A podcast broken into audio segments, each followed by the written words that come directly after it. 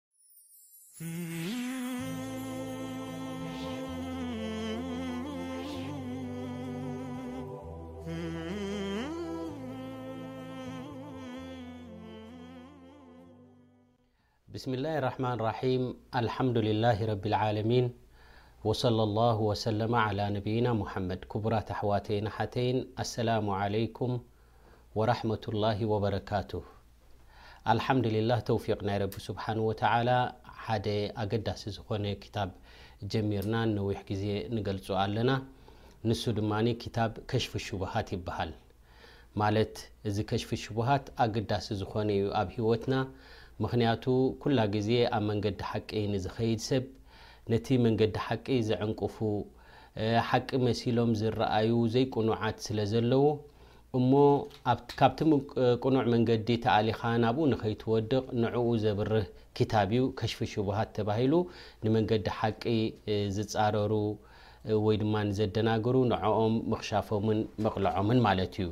እቲ ክታብ ንምንታይ እዩ ከሽፊ ሽቡሃት ተባሂሉ ከምኡ ድማ ናቱ መቕድም ኣብቲ ዝሓለፈ ገለ ዓሰርተ ትሕዝቶታት ክፍልታት ዘለዎ ገሊጽና ኣለና ማለት እዩ እሞ እቲ ሙኣልፍ እዚ ክታብ እዚ ከሽፉ ሹቡሃት ክጅምር እንከሎ መጀመሪ ወይ ድማ መበገሲ ዝገበሮ መቕድም ኣሎ። ኩላትና እዚ ጉዳይ እዚ ንምንታይ እዩ በዚ ዓይነት እዚ ጀሚሩ እቲ ትሕዝቶ ናቱ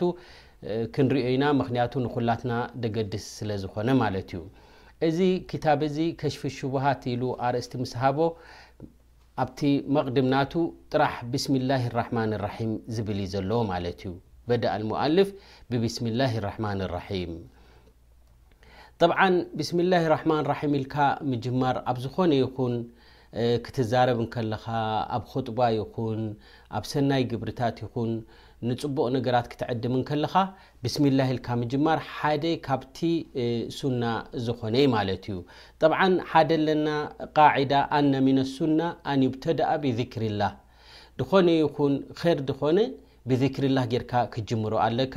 ወህየ ዓላ ሰላሰቲ ኣስናፍ ሰለስተ ዓይነት ኣጀማምራ ጌርካ ድኾነ ትምህርትኻ ይኹን ትጽሕፎ ናይ ዲን ክታብቲ ይኹን ብምንታይ ክጅምር ኣለኒ እንተ ኢልካ ኣወለን ይብሉ ዑለማእ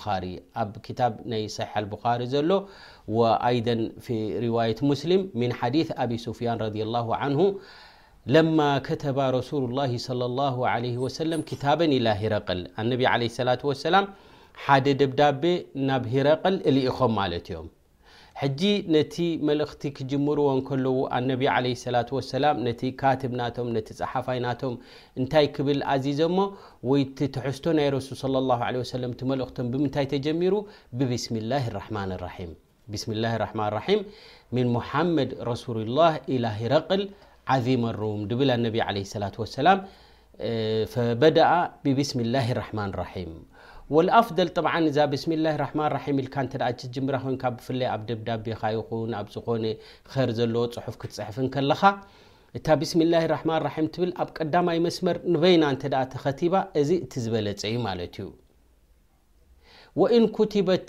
ኣወሉ ሰጥር ዓለል የሚን ወይ ድማ ኣብቲ መጀመርያ ክትጽሕፍ እንከለኻ ክትከትብ እንከለኻ ብስምላሂ ራሕማን ራሒም ኢልካ ብድሕሪኡ ድማ ምስኡ ኣቐጺልካ ድማ እታ ደሊኻ የደለኻ ትሕዝቶ ድማ ትገልጽ ማለት እዩ እቲ ኣገዳሲ እንታይ እዩ ዝኾነ ይኹን ኸር ክትጅምር ከለኻ ብስሚላህ ኢልካ ክትጅምር ኣለካ እዚ ሓደ ብብስሚላህ ራሕማን ራሒም ጥራሕ ክትጅምር ከም ዘለካ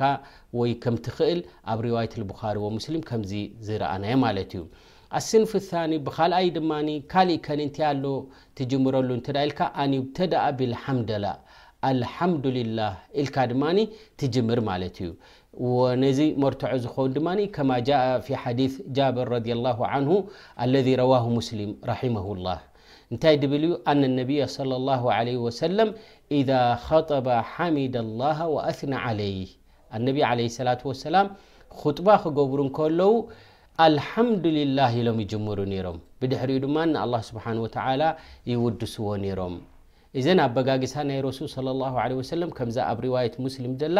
በደኣ ቢልሓምደላ ብኣልሓምዱሊላህ ኢሎም ዝጅምሩ ነይሮም ሕጂ ዝኾነ ይኹን ክትጅምር እንከለኻ ኣልሓምዱሊላህ ኢልካ ክትጅምር ኣልሓምዱሊላሂ ረቢል ዓለሚን ኢልካ ንኣላህ ሱብሓነሁ ወተዓላ ንኢድካ ሰላት ዓለ ነቢ ጌርካ ትጅምሮ ማለት እዩ ብሳልሳይ ድማኒ ኣስንፉ ኣሳልስ ኣልበዳኣቱ ቢኣያ ሚነል ቁርኣን ከማ ጃኣ ፊ ሓዲት ኣለዚ ረዋሁ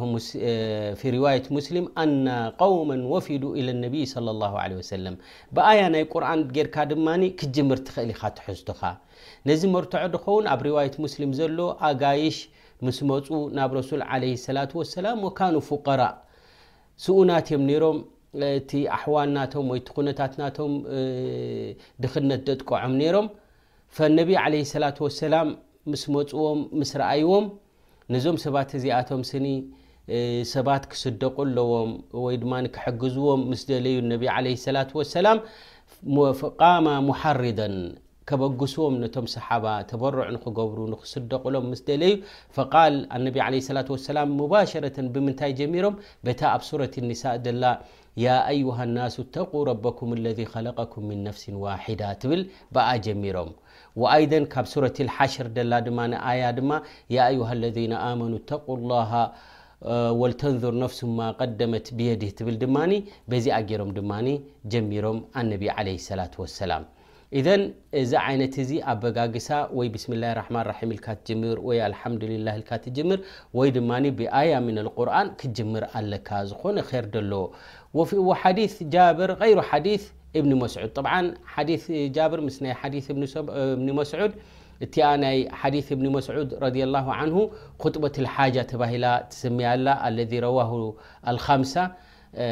ኢነልሓምደሊላህ ትብል ድማ ኣበጋግሳ ከምኡ ገይሮም ድማ ነቢ ዓለ ሰላት ወሰላም እውን ዘረብኦም ይጅምሩ ነይሮም ማለት እዮም እቲ ኣፍደል ኣን ዩዝከር ሃዛ ታረተን ወሃዛ ታረተን እቲ ድበለፀ ሓንሳብ በቲ ትጅምር ሓንሳብ ድማ በቲ ትጅምር ምክንያቱ ነቲ ሱና ናይ ረሱል ዓለ ሰላት ወሰላም ንኩሉ ንምርካብ ማለት እዩ ወልዛሊክ ሸኸል እስላም እብኒ ተይምያ ከምኡ ውን እብኒ ልቀይም እንታይ ይብሉ ማለት እዮም እቲ ዕባዳታት ናይ ረሱል ለ ሰላ ወሰላም ምነዋዕ በቢ ዓይነቱ መፅኡ ዘሎ ንኩሉ በብ እዋኑ በብ ዝተፈላለየ ጌርካ ንኩሉ ንክትበፅሖ ውን እዚ እቲ ዝበለፀ ማለት እዩ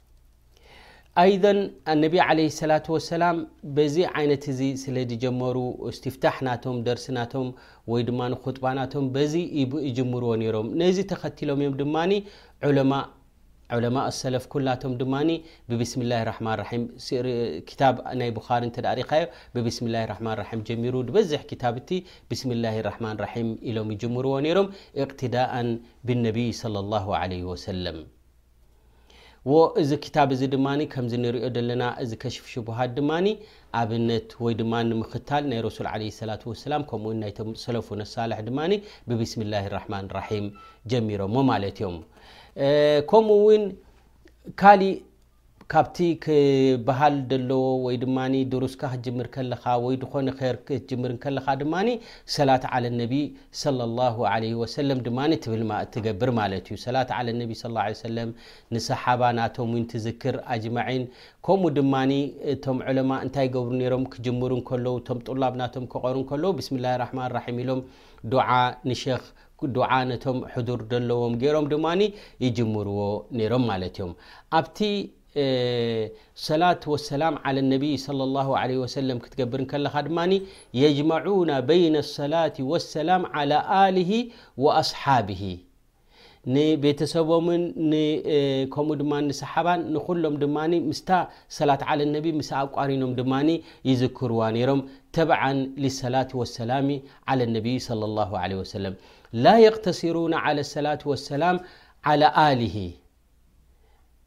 መብዘእ እቶም ሰለፉነ ሳልሕ ዱዓ ክገብሩ እንከለዉ ኣብቲ መበገሲ ናቶም ሰላት ዓለ ነቢ እውን ክገብሩ ከለዉ ወይ ሰለ ላሁ ዓለይህ ወሰለም ይብሉ ወይ ድማ ሰለ ላሁ ዓለይህ ወዓላ ኣሊህ ምስ በሉ ወሳሕብሂ ይውስኹላ ነይሮም ኣብታ ወኣሊህ ጥራሕ ትብል ደላ ኣብኣ ጠጠው ኣይብሉን እዮም ነይሮም ማለት እዮም ከምኡ ድማ ኢዛ ተለው ነስ ኣልኣሓዲት ሓዲስ ክትቀርእ እንከለኻ ወይ ክቐርኡ እንከለዉ እቶም ቀዳሞት ዝነበሩ እንታይ እዮም ዝገብሩ ነይሮም እቅተሰሩ ዓለ ሰላት ወሰላሚ ዓለ ረሱሊ ሰለ ላሁ ለ ወሰለም ሰላትን ሰላምን ንረሱል ዓለ ሰላት ወሰላም ይገብሩ ነይሮም ከምዚ ኣብ ኩሉ ክታብቲ እንሪኦ ማለት እዩ ንረሱል ስ ሰለም ድሕር ዘኪሮም ሰለ ላሁ ለ ወሰለም ይብሉ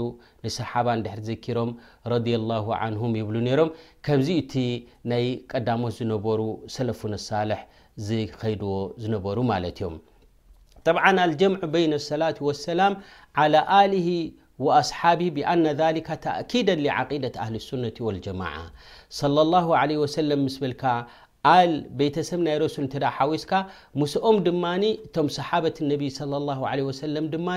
መሓባ ከም ደለካን ናታቶም መንገዲ ከም ትኽተልን ሓደ መለለዪ ናይቶም ኣህል ሱና ወልጀማዓ እንታይ ነይሩ ማለት እዩ ዓላ ኣሊሂ ወኣስሓብሂ ንኹሉ ዱዓ ይገብሩ ነይሮም ማለት እዮም ምኽንያቱ እዚ በራኣቱን ምና ልሙብተድዒን ኣልመዝሙሚን፣ እቶም ጽሉኣት ዝኾኑ ሙብተዲዒን፣ ብፍላይ ነዋስብ ወኣይደን ቢድዕቲ ረዋፍድ፣ እዚኣቶም እንታይ እዮም ዝገብሩ ነይሮም ማለት እዮም፣ ጽልኢ ስለ ዝነበሮም ምስ ሰሓባ ማለት እዮም፣ ወኣሊሂ ኢሎም ኣብዚ ጥራሕ የቋርጹ ነይሮም፣ ዱነ ኣስሓቢሂ፣ እዚ ሽዓር ናይ ራፊዳ ከምዚ ናይ ሺዓ ንሪኦ ዘለና ኣብታ ወኣሊሂ ጥራሕ ኢሎም ጠጠው ይብሉ፣ ንሰሓበት ነቢ ሰለላሁ ዓለይሂ ወሰለም ጽልኢ ስለ ዘለዎም ማለት እዩ፣ ስለዚ እምበኣር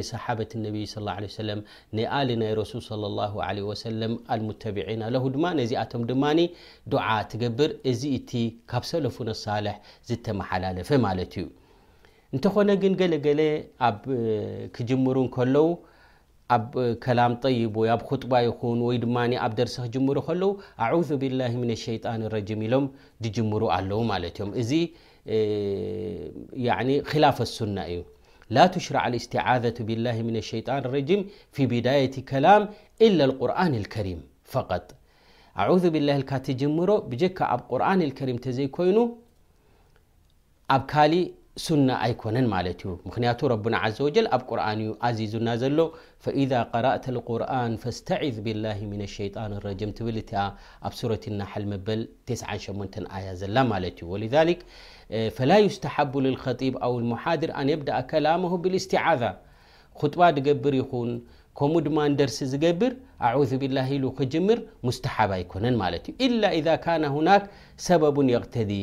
ዛሊክ ገለ ነገር ወስወሳ ኣትዎ ወይ ዝኾነ ነገር ተከብርቱ ሰሚዕዎ ወይ ገለ ተዓውዝ ክገብር ተደይ ኮይኑ እቲ ክጅምር እንከሎ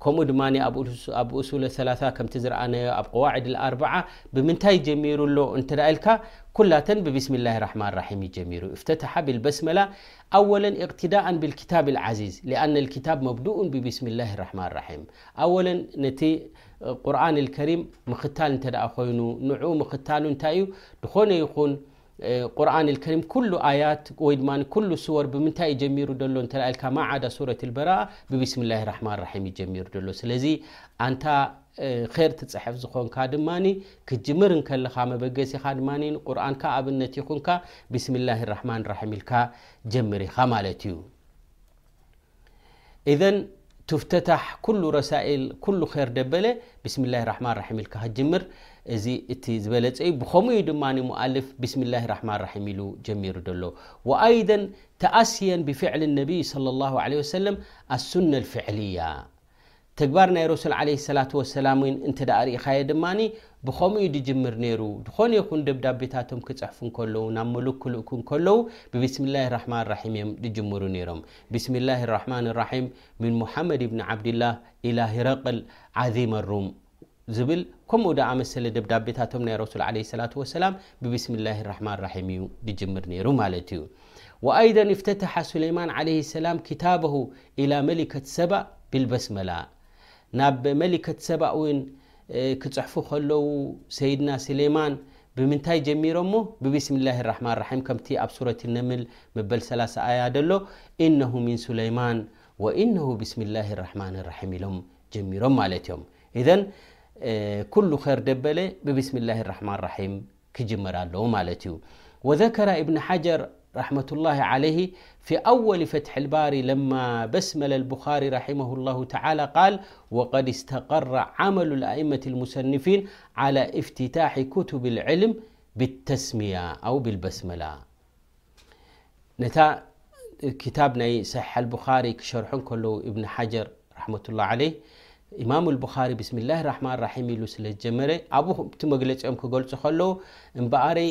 እዚ ዓይነት እዚ ኣጀማምራ ብስሚላህ ራሕማን ራሒም ኢልካ ምጅማር ስኒ ኩላቶም